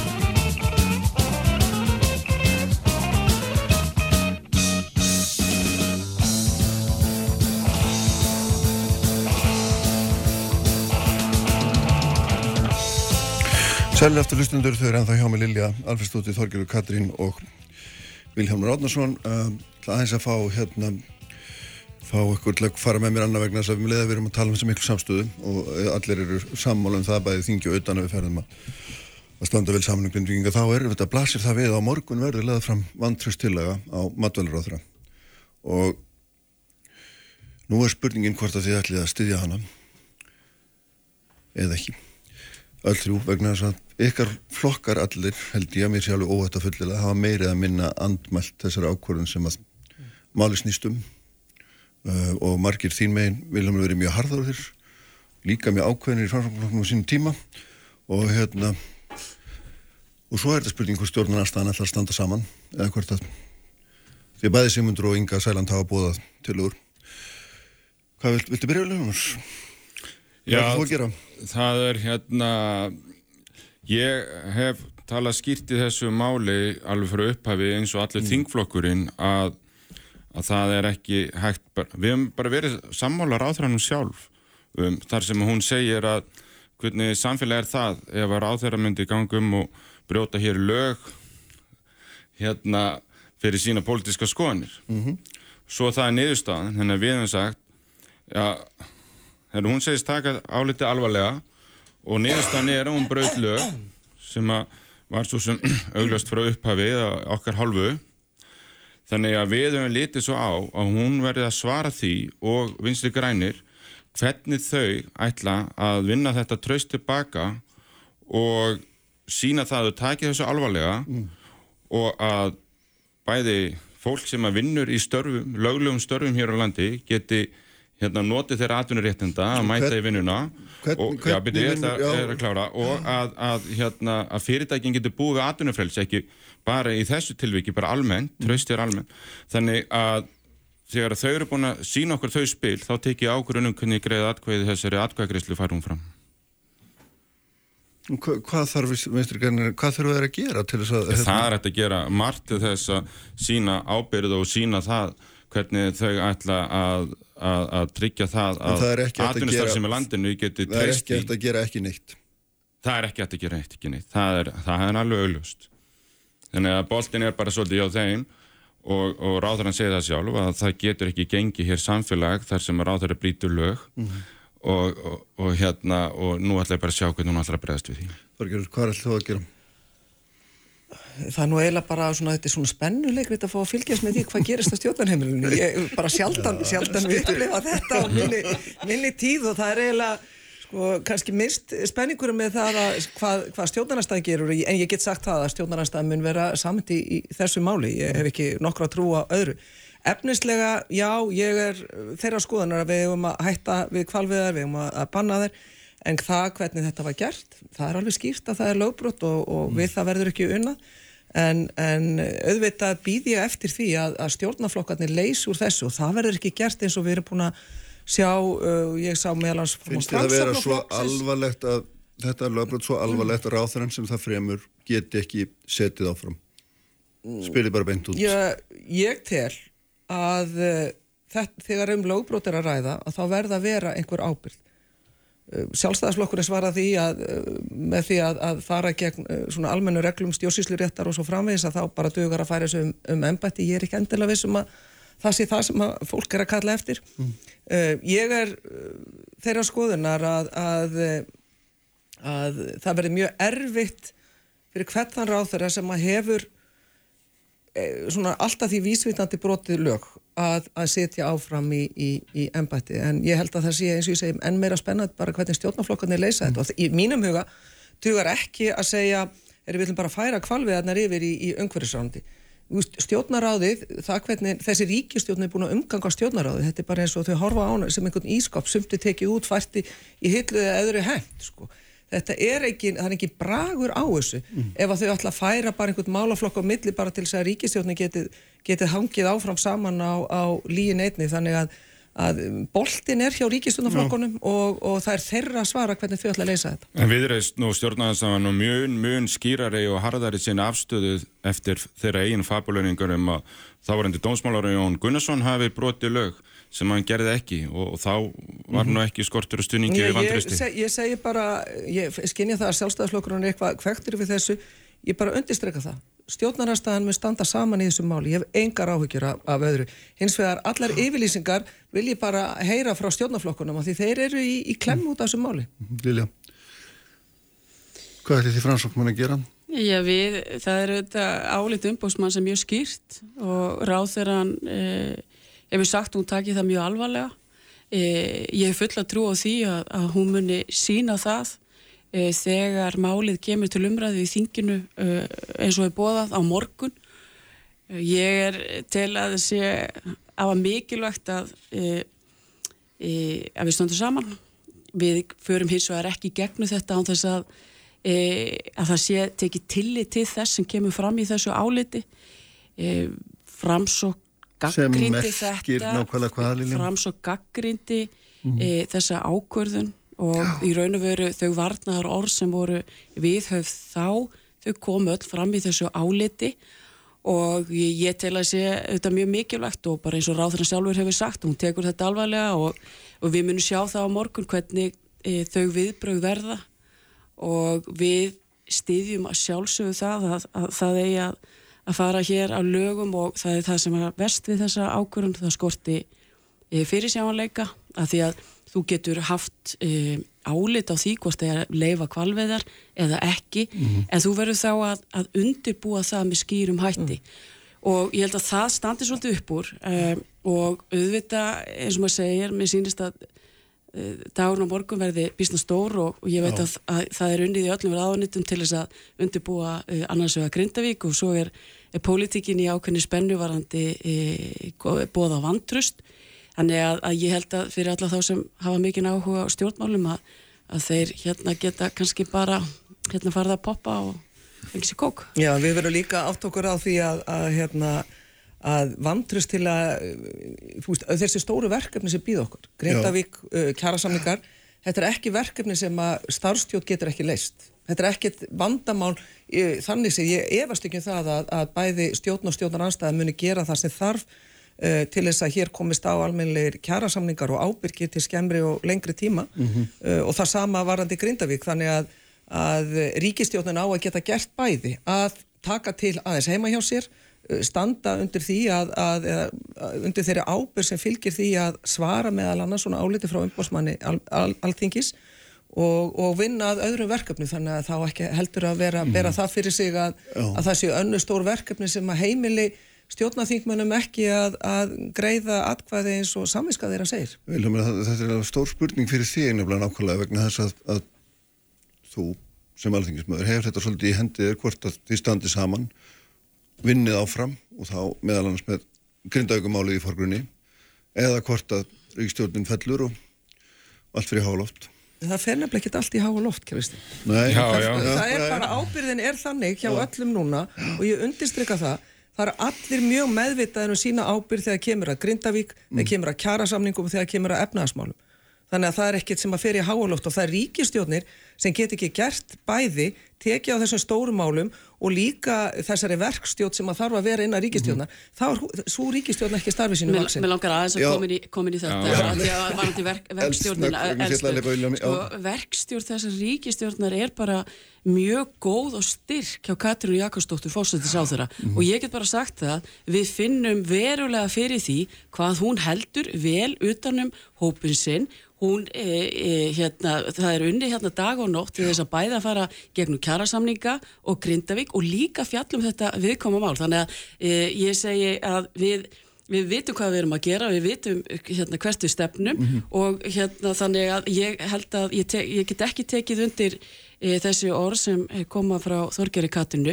Hins vegar finnst mér mjög mikilvægt það sem e, Þorgeri er að segja er að það skiptir mjög miklu máli að vera í góðum tengslum og í samvinnu við stjórnarhanstöðuna á þessum uh, krefjandi tímum og ég bara fagna því og því, fagna því hvernig hennar nálgun er í, því, í þeim efnum. Já, Viljum, Já, já, ég, hérna, þetta eru vissulega, hérna, mjög stór og mikilvæg mál og Grindavík hefur áhrif á allt samfélagið á, sama tíma og heimilin eru í, hérna, þessu efnarsástandi með háa vextu verðbólgu, þannig að, að það þarf að sjálfsögða að taka á því og því hef ég nú fagnað þessari samstöðu eins og verið um Grindavík og, og ég veit að það verður alltaf um, um, um hérna um kjærasamning og annað og við höfum sínt það eftir kostningar við getum gert það þó að það sé ekki, ég hugsa að það sé ekki til að bæta það eða, eða, eða gera það bet, betur. Og ég bara trúi því að verkefni er hjá vinstur reyningunni grænuframbóð sem leiðir þessa ríkistjórn að sína þá ábyrð að, að leysa það vandamál sem að þau hafa hérna, komið í gegnum þessa hérna uppakomu í sumar þar sem að setur þetta vantraust inn í löglega atvinnustarfsemi fleiri en eina hérna á landinu þannig að ég bara trúi þeim að þau hérna, mm. rísi undir þessari ábyrð og láta ekki sín hérna, verk og mál flækjast fyrir þessum stóru málum sem er framöndan Það er sólarningu til stefnu. Já, þetta er náttúrulega vegna þess að fórstráður er náttúrulega búin að segja að, að ef að sjálfstæðarflokkur nefndan sérstaklega stiður ekki í ráþurinn þá er náttúrulega þá er illa fyrir stjórnunni komið. Já, já, en þau get ekki bara varpa vandamáli síni yfir okkur, það er nokkuð ljúst Spennandi tíma framöndan. Þetta er alveg magnað. Heyrðu, hérna við höfum örfá mínútur, ég veit að það er hérna kannski óðsmaðsæði, en mér finnst það bara rétt, ég vil rétt nefna það við ykkur núna, hérna þessi færsla Bjarnar Bendissonar um, um fólki auðstuvelli hefur vakið upp enn og aftur hérna uh, ekki, hún hefur, hún er ítt undir bara þessar einhvern veginn hérna, svo ég ætla að byrja aftur Ísæl og Gaza, þetta er bara einhvern veginn klífur þjóðin í fylkingar. Gríðalegt átakamál miklu meira heldur en maður hefði nokk tíma órað fyrir, sko innanlands.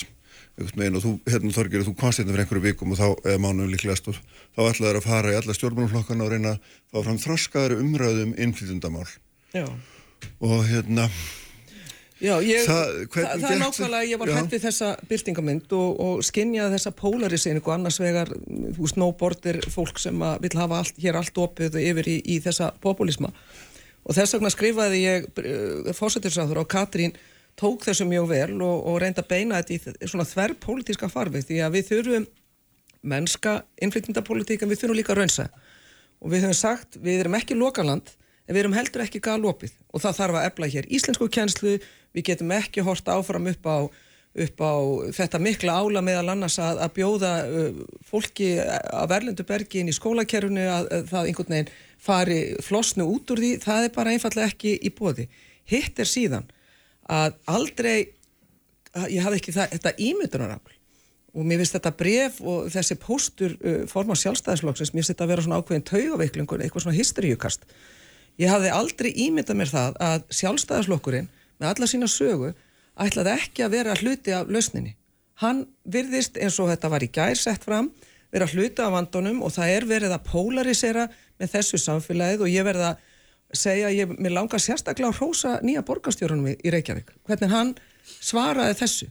Hann myndi á auðvitað réttin til þess að mótmæla. Hann myndi á að það eru tilfinningar að það er fólk á Östuvelli sem að, sem að er að horfa upp á það þennan mikla harmleik og hörmungar kakvart fólkinu sínu, fjölskyld og vinum. En um leysaði líka borgarstjórin.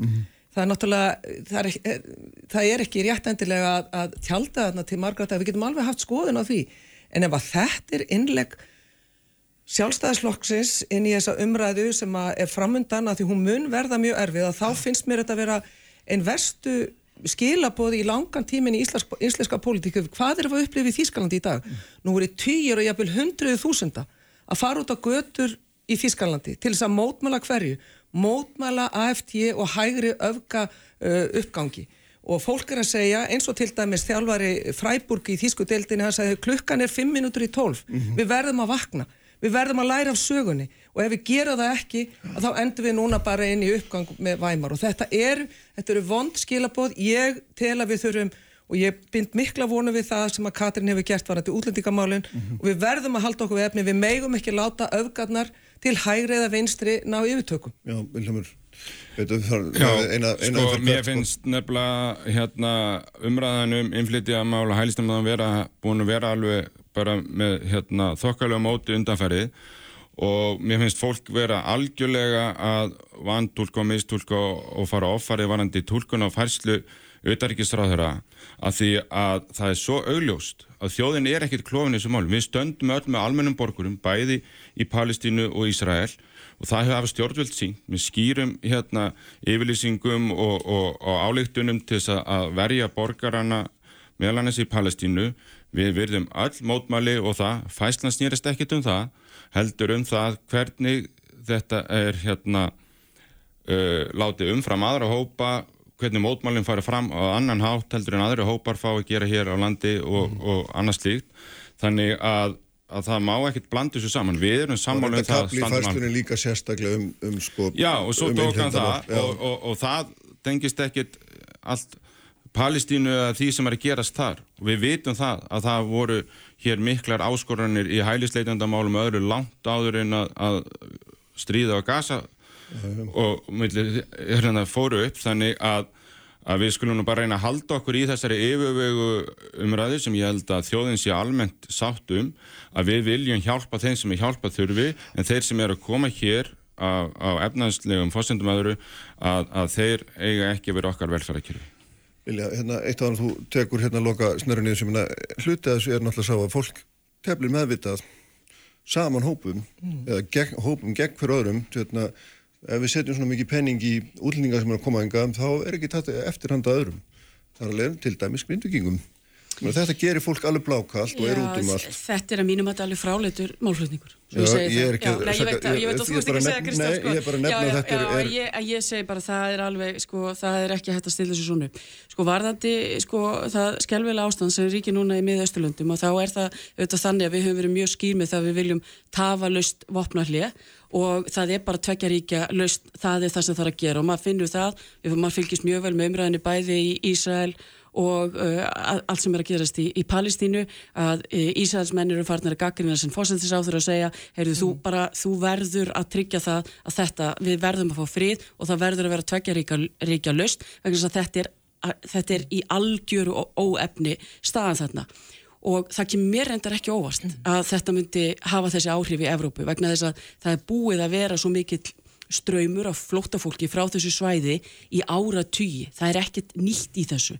Það sem ég finnst skipta mestu máli núna og ég er sammála Þorgeri Katrinu er að sko við megum ekki vera í öfgunum. Það er útilokað. Eh, Það þarf núna raunsæis pólitik í þetta mál. Ég hef verið að leggja gríðarlega áherslu á tungumálið okkar af því að það er Mjög mikilvægt. tækifærið til þess að öðlast það er, það er tólið til þess að öðlast tækifæri í landin okkar. Við erum núna með þingsáleiktun sem á stór ebla allt íslensku nám og við erum bara sko, sko, komin á alg, bara hérna, málkerfið okkar ef ég má orða það svo leysi, bara komið að sko algjörum þólmörkum hvað þetta varðar og við þurfum uh, öfluga og framsýna innflytjenda stefnu en hún verður að vera raunsæ. Við erum að taka hlutfastlega á móti fleirum en á hinu Norðurlöndunum og það verður að vera eh, kerfin okkar verða að ráða við þetta. Og ég er komin á þeirri, þeirra á þá skoðun að nummer 1, 2 og 3 er að mentakerfið, leik og grunnskólakerfið okkar ráði við þetta. Og þess vegna hef ég verið að tala fyrir því að ríkið komi miklu fastar inn í þetta en hefur verið gert áður. Og það, er sem sagt, við erum með stefnu sérstaklega sem miðar að þessu til þess að tryggja það vegna þess að allir verða að eiga sín tækifæri hér. Já, ég er algjörlega, sekúndur, já, ég er algjörlega samanlega sem að Lilja segir hér varðandi mentakerfi, en við skulum hafa því í huga að þeir sem er að gaggri núna ekki síst uh, þetta stjórnleysi sem er í útlendingamálum, það eru sjálfstæðismenn. Og hverjir hafa stjórna útlendingamálunum? Það er sjálfstæðisflokkurinn í meiri, tíu, meiri en tíu ár þannig að, að það sem að við þurfum að gera er einmitt að ná tökum og stjórn á útlendingamálum og það gerum við meðal annars að hluta til í gegnum mentakerfið okkar og aðra stofnanir meðal annars laurugluna sem við þurfum að styrkja meira. Saman. Ljómandi, þú farið að svara þessu setni Bestu Já, þakkir fyrir að koma. Já, Já, með sérþætti lögregluna. Bestu þakkir að þrjú og hérna Hans Guttorm Þormar hjá mér eftir augnumblík Sprengisandur á bylgjunni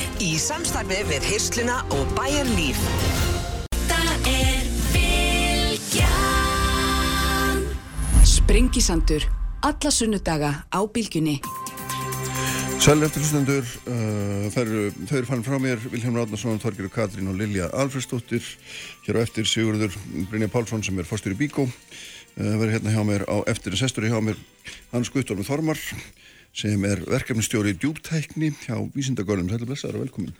Já, sætt og blessaður og takk fyrir að bjóða mér. Já, það er nú lítið, hérna, þú varst hérna hjá mér í april í fyrra og staðis að útskýra þetta fyrirbriði sem ég var forvitur um, djúptækni, hvað þetta væri eiginlega og nú er hérna, og nú hefur tölvöld gest í málunu síðan þá og, og hérna, en rétt, geða okkur örstuðt einsýn til þess að rifja upp fyrir, fyrir mér og öðrum. Já, já, aðeins Hvað svona er koma þessu, já, inn, í- fólki líka. Það er sko, djúptækni er svona þverfælið samstarf á milli efnistækni, eðlisfræði, líftækni, læknisfræði, hönnunar, listar, vísinda, félagsvísinda, þetta er svona þverfælið starfsemi þar sem að djúp þekking og hverju sviði hittist, kemur saman og það verður til einhver ný og, og spennandi mm sköpun.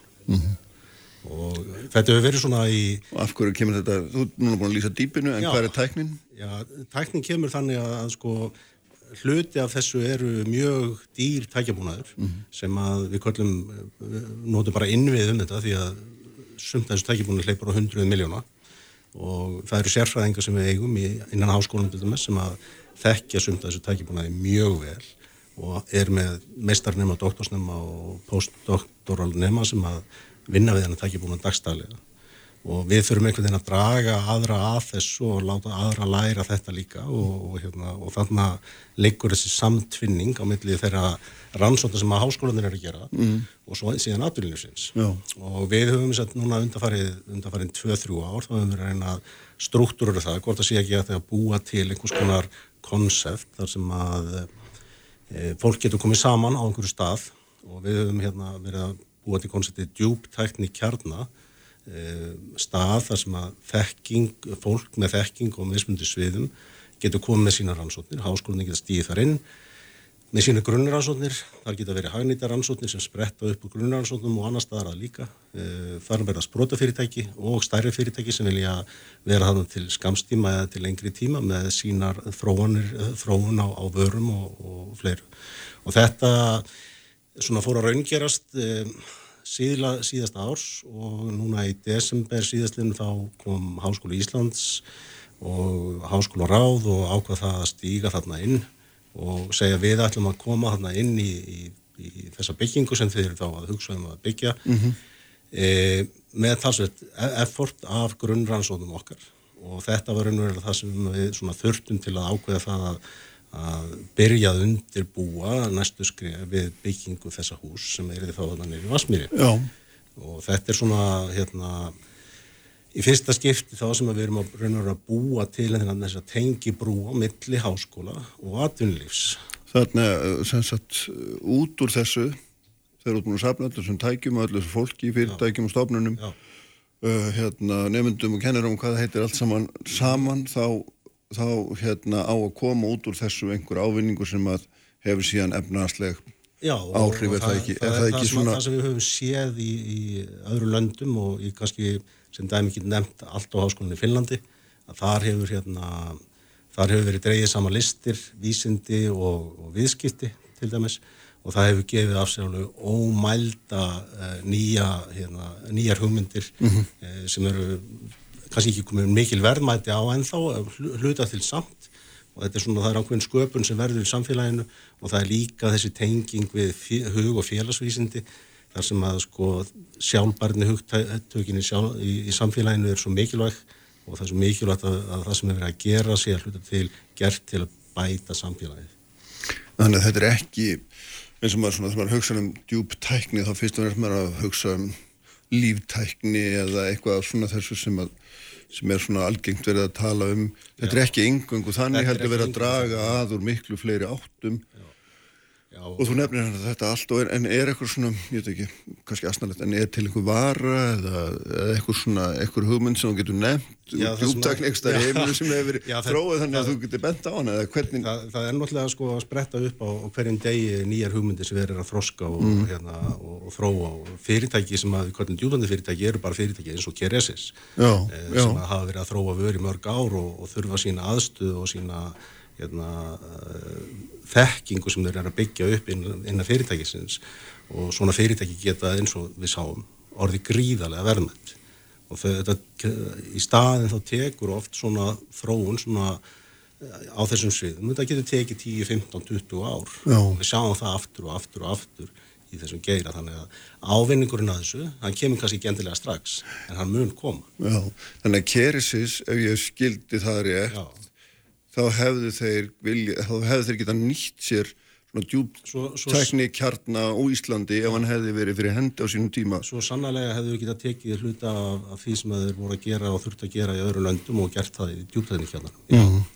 Og hérna, það er, það er En þetta snýst að einhverju leitu um að taka svona þróunaverkefni til landsins. Já, og, og líka bara, ekki bara að taka þau til landsins, heldur bara að fóstra þau Mhm. e, þegar þau koma upp á Íslandi og veita þau þá aðstöðu sem þau þurfa, e, veita e, rannsagendum aðstöðu til að gera hluti í samvinnu við stóra alþjóðlega rannsóknarópa, eða það er kannski það sem hefur líka verið svolítið akkilesræll, það er að, að geta bóðið upp á þekkingu en enga aðstöðu. Og í þriðalagi þá er kannski hugmyndi svo að draga líka þekkingu til Íslands. Því að það er mjög mikilvægt í þessu samingi að það er samkeppnu alþjóða vísu um þekkingu. Já. Og samfélög verða að vera mjög sterk í því að, að styðja við það fólk sem hefur djúpa þekkingu lutunum.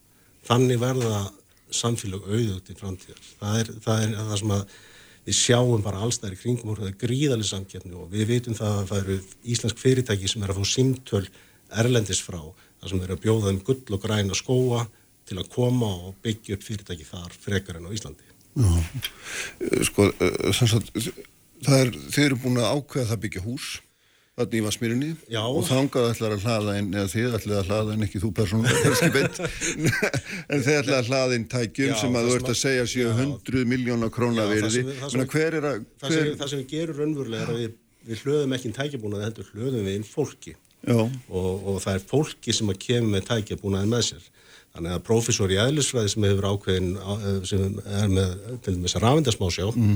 Hann kemur með rafindasmásjána með sér þegar hann kemur ásandöldu sínu nefndum og það er þekkingin sem hann kemur með.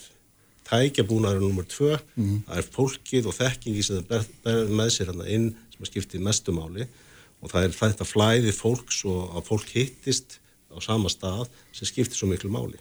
Og það er líka kannski í þessu litla samfélagi sem við búum í svona, með svona alþjóða vísu að það er líka svo mikilvægt að við getum eh, að svona apparat getur líka hjálpað öðrum stöðum á landinu eh, bæði við aðra háskóla háskólinni Reykjavík geti komið þarna inn og verið með hluta sinni aðstöðu þarna líka háskólinu Akureyri líka. Eh, það er líka mögulegt að svona apparat geti aðstóða við uppbyggingu svona aðstöðu kannski á þeim þekkingasviðin þar sem prófessor annara háskóla eru við þá háskóla.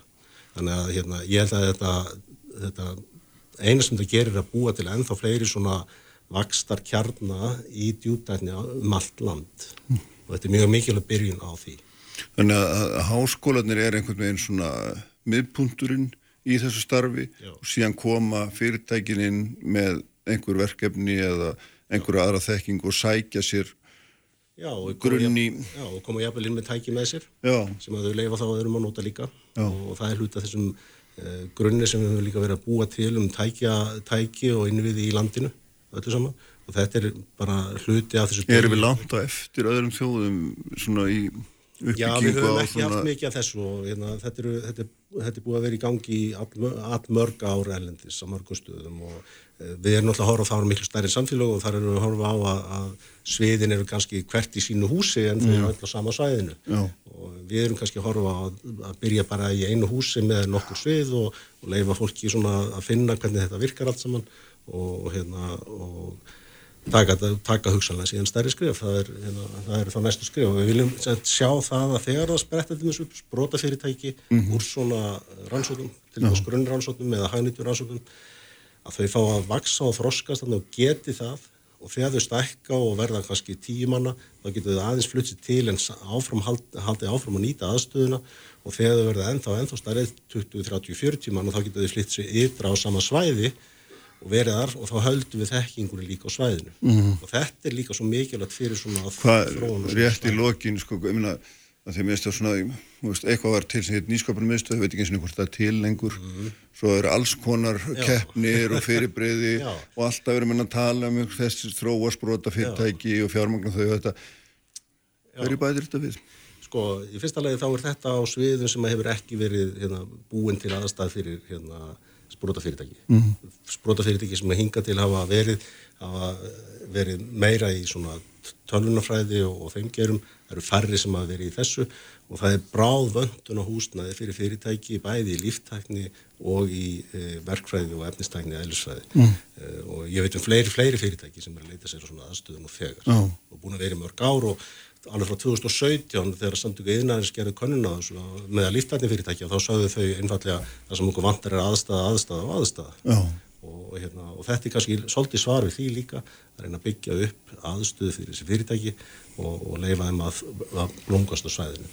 Og ég talandi um sko þessa, allar þessar hraðla og keppnir og, það allt saman, það er stuðnisumhverfið í kringum þetta og það kemur í kringum þessi fyrirtæki líka. En þetta byggir allt upphalega á grunnrannsóknum háskóluna það er svo mikilvægt að við höldum áfram að bæta því þann brunn því að allt annað sprettur upp úr þeim þekkingabrunni þerrfælega samstarfið hagnýtur rannsóknunar og síðan þessi breykfrú hugmyndir sem koma upp reglulega. Ljómandi, fylgjast áfram með þessu hanskvöldur og fáum þið hérna einhvern tíma setna til þess að Þegar- þegar lengra er komið. Já, þegar að opna þetta enn betur Takk fyrir að koma hérna og síðusti gestur í dag eftir reglablik Sigur Brynni Pálsson sem er fórstjóri fórstjóri Bíkó, þá ætlum við að tala um allra hluti Alla sunnudaga á bylgjunni. Heilsuvaravíkunar á bylgjunni er Sprengisandur á bylgjunni Sælir aftur hlustundur, uh, Hans Guttormur Þormar farin frá mér uh, fjöllum hér um djúptækni sem við hefum gert áður áhugaverðar hérna, pælingar sannarlega hjá Hans og félögum uh, verið að byggja nýtt húsundi þetta í, í Vasmýrinni og hérna þarna nú sannlega hátækni ráða ríkjum en, en yfir í allt annað. Sigur Brynja Pálsson sem er fastur í Bíko er sestur hérna hjá mér, sætla blessaður, velkomin. Sællertu og takk fyrir að bjóða mér. Já, það er nú lítið, hérna, þú ætlar að vera hérna fram fyrir, viku.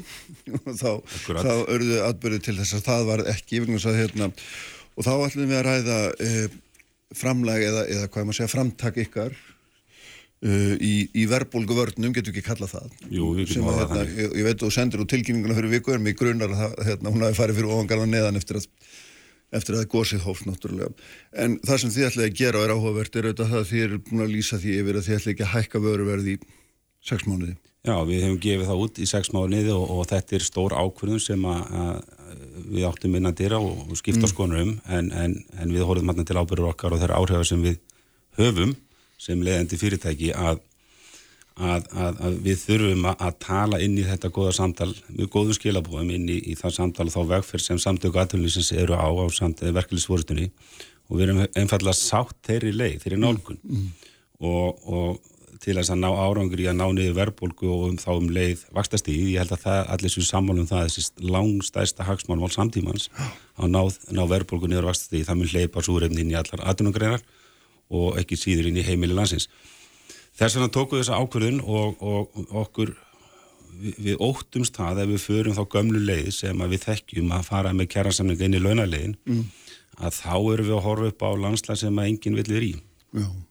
Og, og þetta er sem sagt, þið, þið ætlaði að taka þetta á ykkur óháð öllum hækkunum og aðföngum og það verður engar afsakanir um hérna hækkun í hafi á, á einu en einu sem til ykkar kemur. Er, er það ekki rétt skilið hjá mér alveg? Jú, það er rétt skilið þar að því leiti að, að við erum mjög skýr í okkar yfirlýsingu og við erum fyrst og síðast að tala inn í þetta góða samtal sem að því miður hefur tekið breytingum í dag, en var fyrir viku síðan og Já. þar fyrir fram á þann tíma, mjög gott samtal á milli, milli hérna samtakaðurlýsins og, og verkefliðsfóruðunar og við erum fyrst og fremst að tala inn í það samtal og segjum það ef að, ef að forsendu breytast og við förum af þeirri leið þá munum við endur skoða okkur því það er alveg ljóst og, og ég er alveg hinskili með það og að ef við förum að fá yfir okkur þessa kjærasamshækkanir sem við síðan tóra nár að þá get ég ekki staðið við þessa yfirlýsingu Nei, þetta er hún er sett gefin út með að þeirri forsendu að hækkanir verði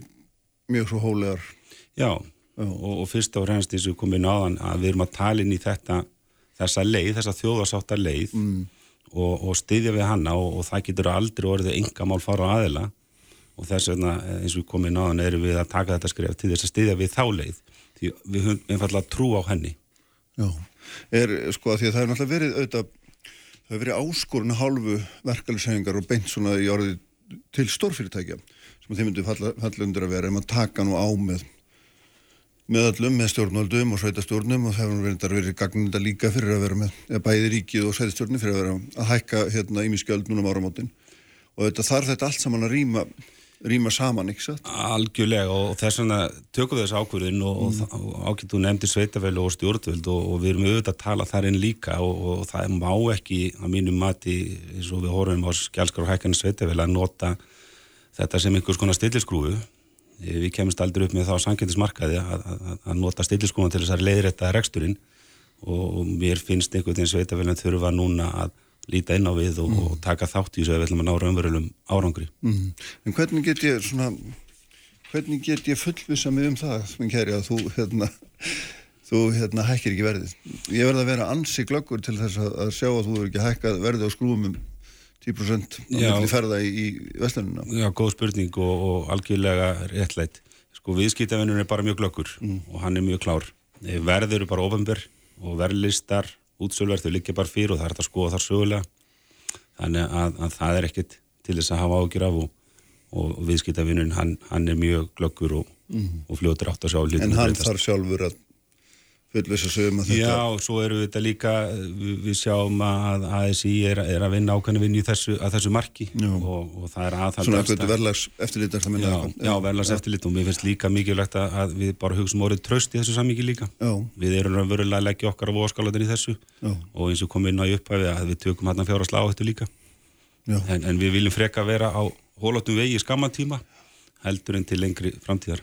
Já, sko eitt af því út komin hérna, það er minnst að forveitnilegt að því að sko, það er ekki bara Grindavík heldur náttúrulega fyrir húsnæðismarkaðin verið til umræðu mjög lengi. Og hérna og, og það er mikil áform að byggja 35.000 íbúður á 10 árum og svo koma tilkynningar frá samtökum einarins til dæmis að, það að verktakar sjá bara ekki fyrir sér að annað en að draga saman seglun þetta, eitthvað með rífum hann í talar hvert gegn öðru. Já. þú ert með puttun á púlsinum hvað varðar framkvæmdirnar af því að þú ert að selja í þar Já, mikið er jánar og kemur inn alltaf Kristján en þetta er málega að segja efni annan og heilan þátt. Jú, að sjálfsögðu. E, e, Húsnæðisliðir er órúanlega hlutur í þessu sammingi og við höfum öll, og það er kannski góðu fréttnar það er að við höfum sammál um það, því ég segi við þá er það stjórnvöld og, og hagaðilar um það að hér þarf að, að fara í íbor áttak og þetta er stæðsta að mínu mati e, bara velferðar og hagsmunamál samtímans og í mínum huga eiga á húsna að vera bara mannréttindi að fólk eigi að hafa kost að því að koma sér þækki yfir höfuð hér þurfa sveitafölin og stjórnvöld að, að, að, að taka sína og axla sína ábyrð við erum búin að ræða nógu mikið skrifa nógu marga skýslur um þannig vanda og, og eins og ég sagði hann að góðu fréttnar það eru um sammála um það að það þarf að grípa til aðgerða. Eh, stjórnvöld eh, gáfu frá svo síðast ári svo kallar kvítbók þar sem að hún snýr að húsnæðas átlun til 15 ára ásamt aðgerða átlun til 5 ára og ég vona svo svonanlega að þetta ár verði það ár sem að við erum einfallega að grípa til aðgerða og framkvæma Mhm. við förum úr þessari þessi orræðu og þessum skrifum um, um, um miklar um, um, um háflegar glærur og svo framvegis og við förum bara beint í aðgerðir og ég vona svo saman að það gerist vegna þess að nú er fann að tala hratt í tíminu Já, að já, renna allt í frá lagi. okkur þetta er bara út á mjög að, að, að hérna við þekkjum það sögulega síðan byggingaverumarkaðan hann fyrir upp og niður og ég hef aldrei átt að með af hverju það þarf að vera þannig og þarf ekkert að vera þannig. Og það sem gerist er það að, að, að, að ef við grípum ekki til aðgerðanuna við fáum frétti frá því að, að fyrstu stygs framkvæmda þau dragar, dragast verulega saman. Og þá horfum við upp á stöðu sem við viljum ekki horfa upp á næsta og þar næsta ári. Mm. það sem er bara verið verulegur íbúð og skortur ofinn þann skort sem er til staðir í dag. Þannig að ég vona svo sannlega að, að, að, að, að, að, að sveitafélög grípi til og lítið sinna og grípi til aðgerðaði ásand stjórnvöldum og það verður bara farið í þetta átak að, að byggja upp íbúðir En ef þú horfir á þitt fyrirtæki sem er að þjónusta verktakana og, og þú horfir á veldunni hjá ykkur og, og sem að endur spekla þá einhverju leiti umsöfin, ekki satt? Jú, jú. Er, er, ég meina, hvað segja, hvað segja þessar tölur okkur? Þar tala saman Mhm. og við erum alveg fann að finna fyrir samdrætti og, og, við erum líka fann að finna og heyrum það bara frá okkar verktökum að þessi neikvæða umræða og það er svona ákveð neikvæðinni og svona svarsýni með, í þeirra röðum Mhm. um, um framtíðina og auðvitað er það bara drifið áfram að háa vastastíði og það er líka drifið áfram að lóðaskorti og í mínum huga eiga lóður bara að vera hilluvara svona til upplýsinga að fyrir minni byggingarkostnaðin og, og ég held að húsnæðisliðunum tengist kjærasamningunum svo mikið að við getum ekki rofið það frá umræðinni að, að, og ég vísa í gögg frá samtökum einaðarins að, að hús að lóðarverð var 4% byggingarkostnaði fram til 2007 og þá fóru lóður í útbóð og eru núna orðin 20 upp í 30% byggingarkostnaði og þetta skiptir bara verulega miklu máli. Þegar að horfa upp á það að, að lóða verið eitt á sér er upp undir 200.000 í fermetra verðinu og þarna þarf að, að, að stíga inn í og leiðrætta og það gerum við bara með því að brjóta upp land og, og setja lóðir fram þá leiðrættir þetta sig Mm. Hvað hva, hva réði þessari breytingu? Bara útbóð á lóðum? Tekið þar sveitafélagana?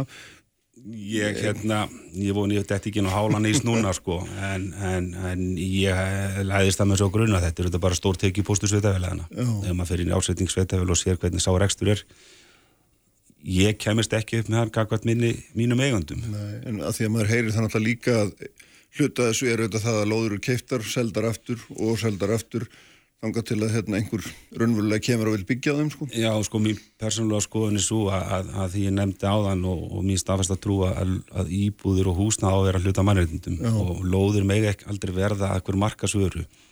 Tökum bara sem dæmi að ég hef huga á því að, að reisa mér hús og ég fæ útlutað lóð og ef að mín áform með einhverjum hætti breytast Mm. þá á ég einfallega bara skilin tilbaka. Það er mín persónulega skoðun. Já. En ekki láta hann að ganga á kaupum og sölum. Nei. En hluta þessar verðhækkun eru þetta skorturinn og þá eru við bara komin inn í lagmálum frambóð og eftirspurn. Já. En það er svo sem líka það sem er, það er allir sammálum það þarf, skortur ekki góður en svo er þetta, húsnæðismarkar er langtímaverkefni þannig að hérna, og nú erum við farin að horfa inn í samdrátt sem að hérna, ef, í, fram, í framkvæmdum uh, sem að þýðir aukna eftir spurning eftir færri íbúðum sem að þýðir að verðið hækkar Akkurat. þýðir að verðbólgan ekst sem þýðir að vextir hækka. Ég, veist, svona skil ég hagkerfið. Að Þetta er bara nákvæmlega svona og þetta er nákvæmlega sem gerðist á undarverðnum árum að, að þegar við fórum með vaksta lækkun í Sælabankans að, að ofan í skort og íbúðum og þá bara sjáum við hvað gerist þar að íbúð verður hækkað um 40, 30, 40, 50% Já. þannig að, að, að það liggur augum upp og það er allir samála um það og það eru góðu fréttnar að það þarf bara að fara í, í íbúðar uppbyggingu og, og ef við horfum umræðinir snýra grindæk þá kemur hún ofan í þetta alls Já, saman. já, já, þannig að, að fyrir mér er þetta bara mitt hjartans mál við verðum bara að grípa til aðgerða. Við erum búin að skrifa nú og það liggur fyrir hvað þarf að gera Mm. og nú er bara að taka upp skopluna og hefjast handa og ég vona að árið 24 verði einkenni, einkenni þá hugsun og þá vegferð. Hefur þú heyrt í einhverjum svona kollegum þínum úr framkvæmda stjóra, fórstjóra stéttinni um, um þessar hugmyndir ykkar um það hvort að fleiri hafa áhuga að taka þátt í svona verðstöðvunar. Hvað ætlum þetta átak skort á betri orði. ekki, ekki beint, ég Nei. bara ánæld að lesa um það í fjölmjölum að, að, að við sáum samkaup í síðustu viku komið yfirlýsingu hagar þar á undan að, að, það er mjög ánæld að heyra það. Og, og en við hefum ekki heyrt beint í einum eða neinum. En, en við erum á sangilismarkaði og þá hefur þessi aðgjöru þetta ónefnileg uh, fyrir með sér að, að, Já.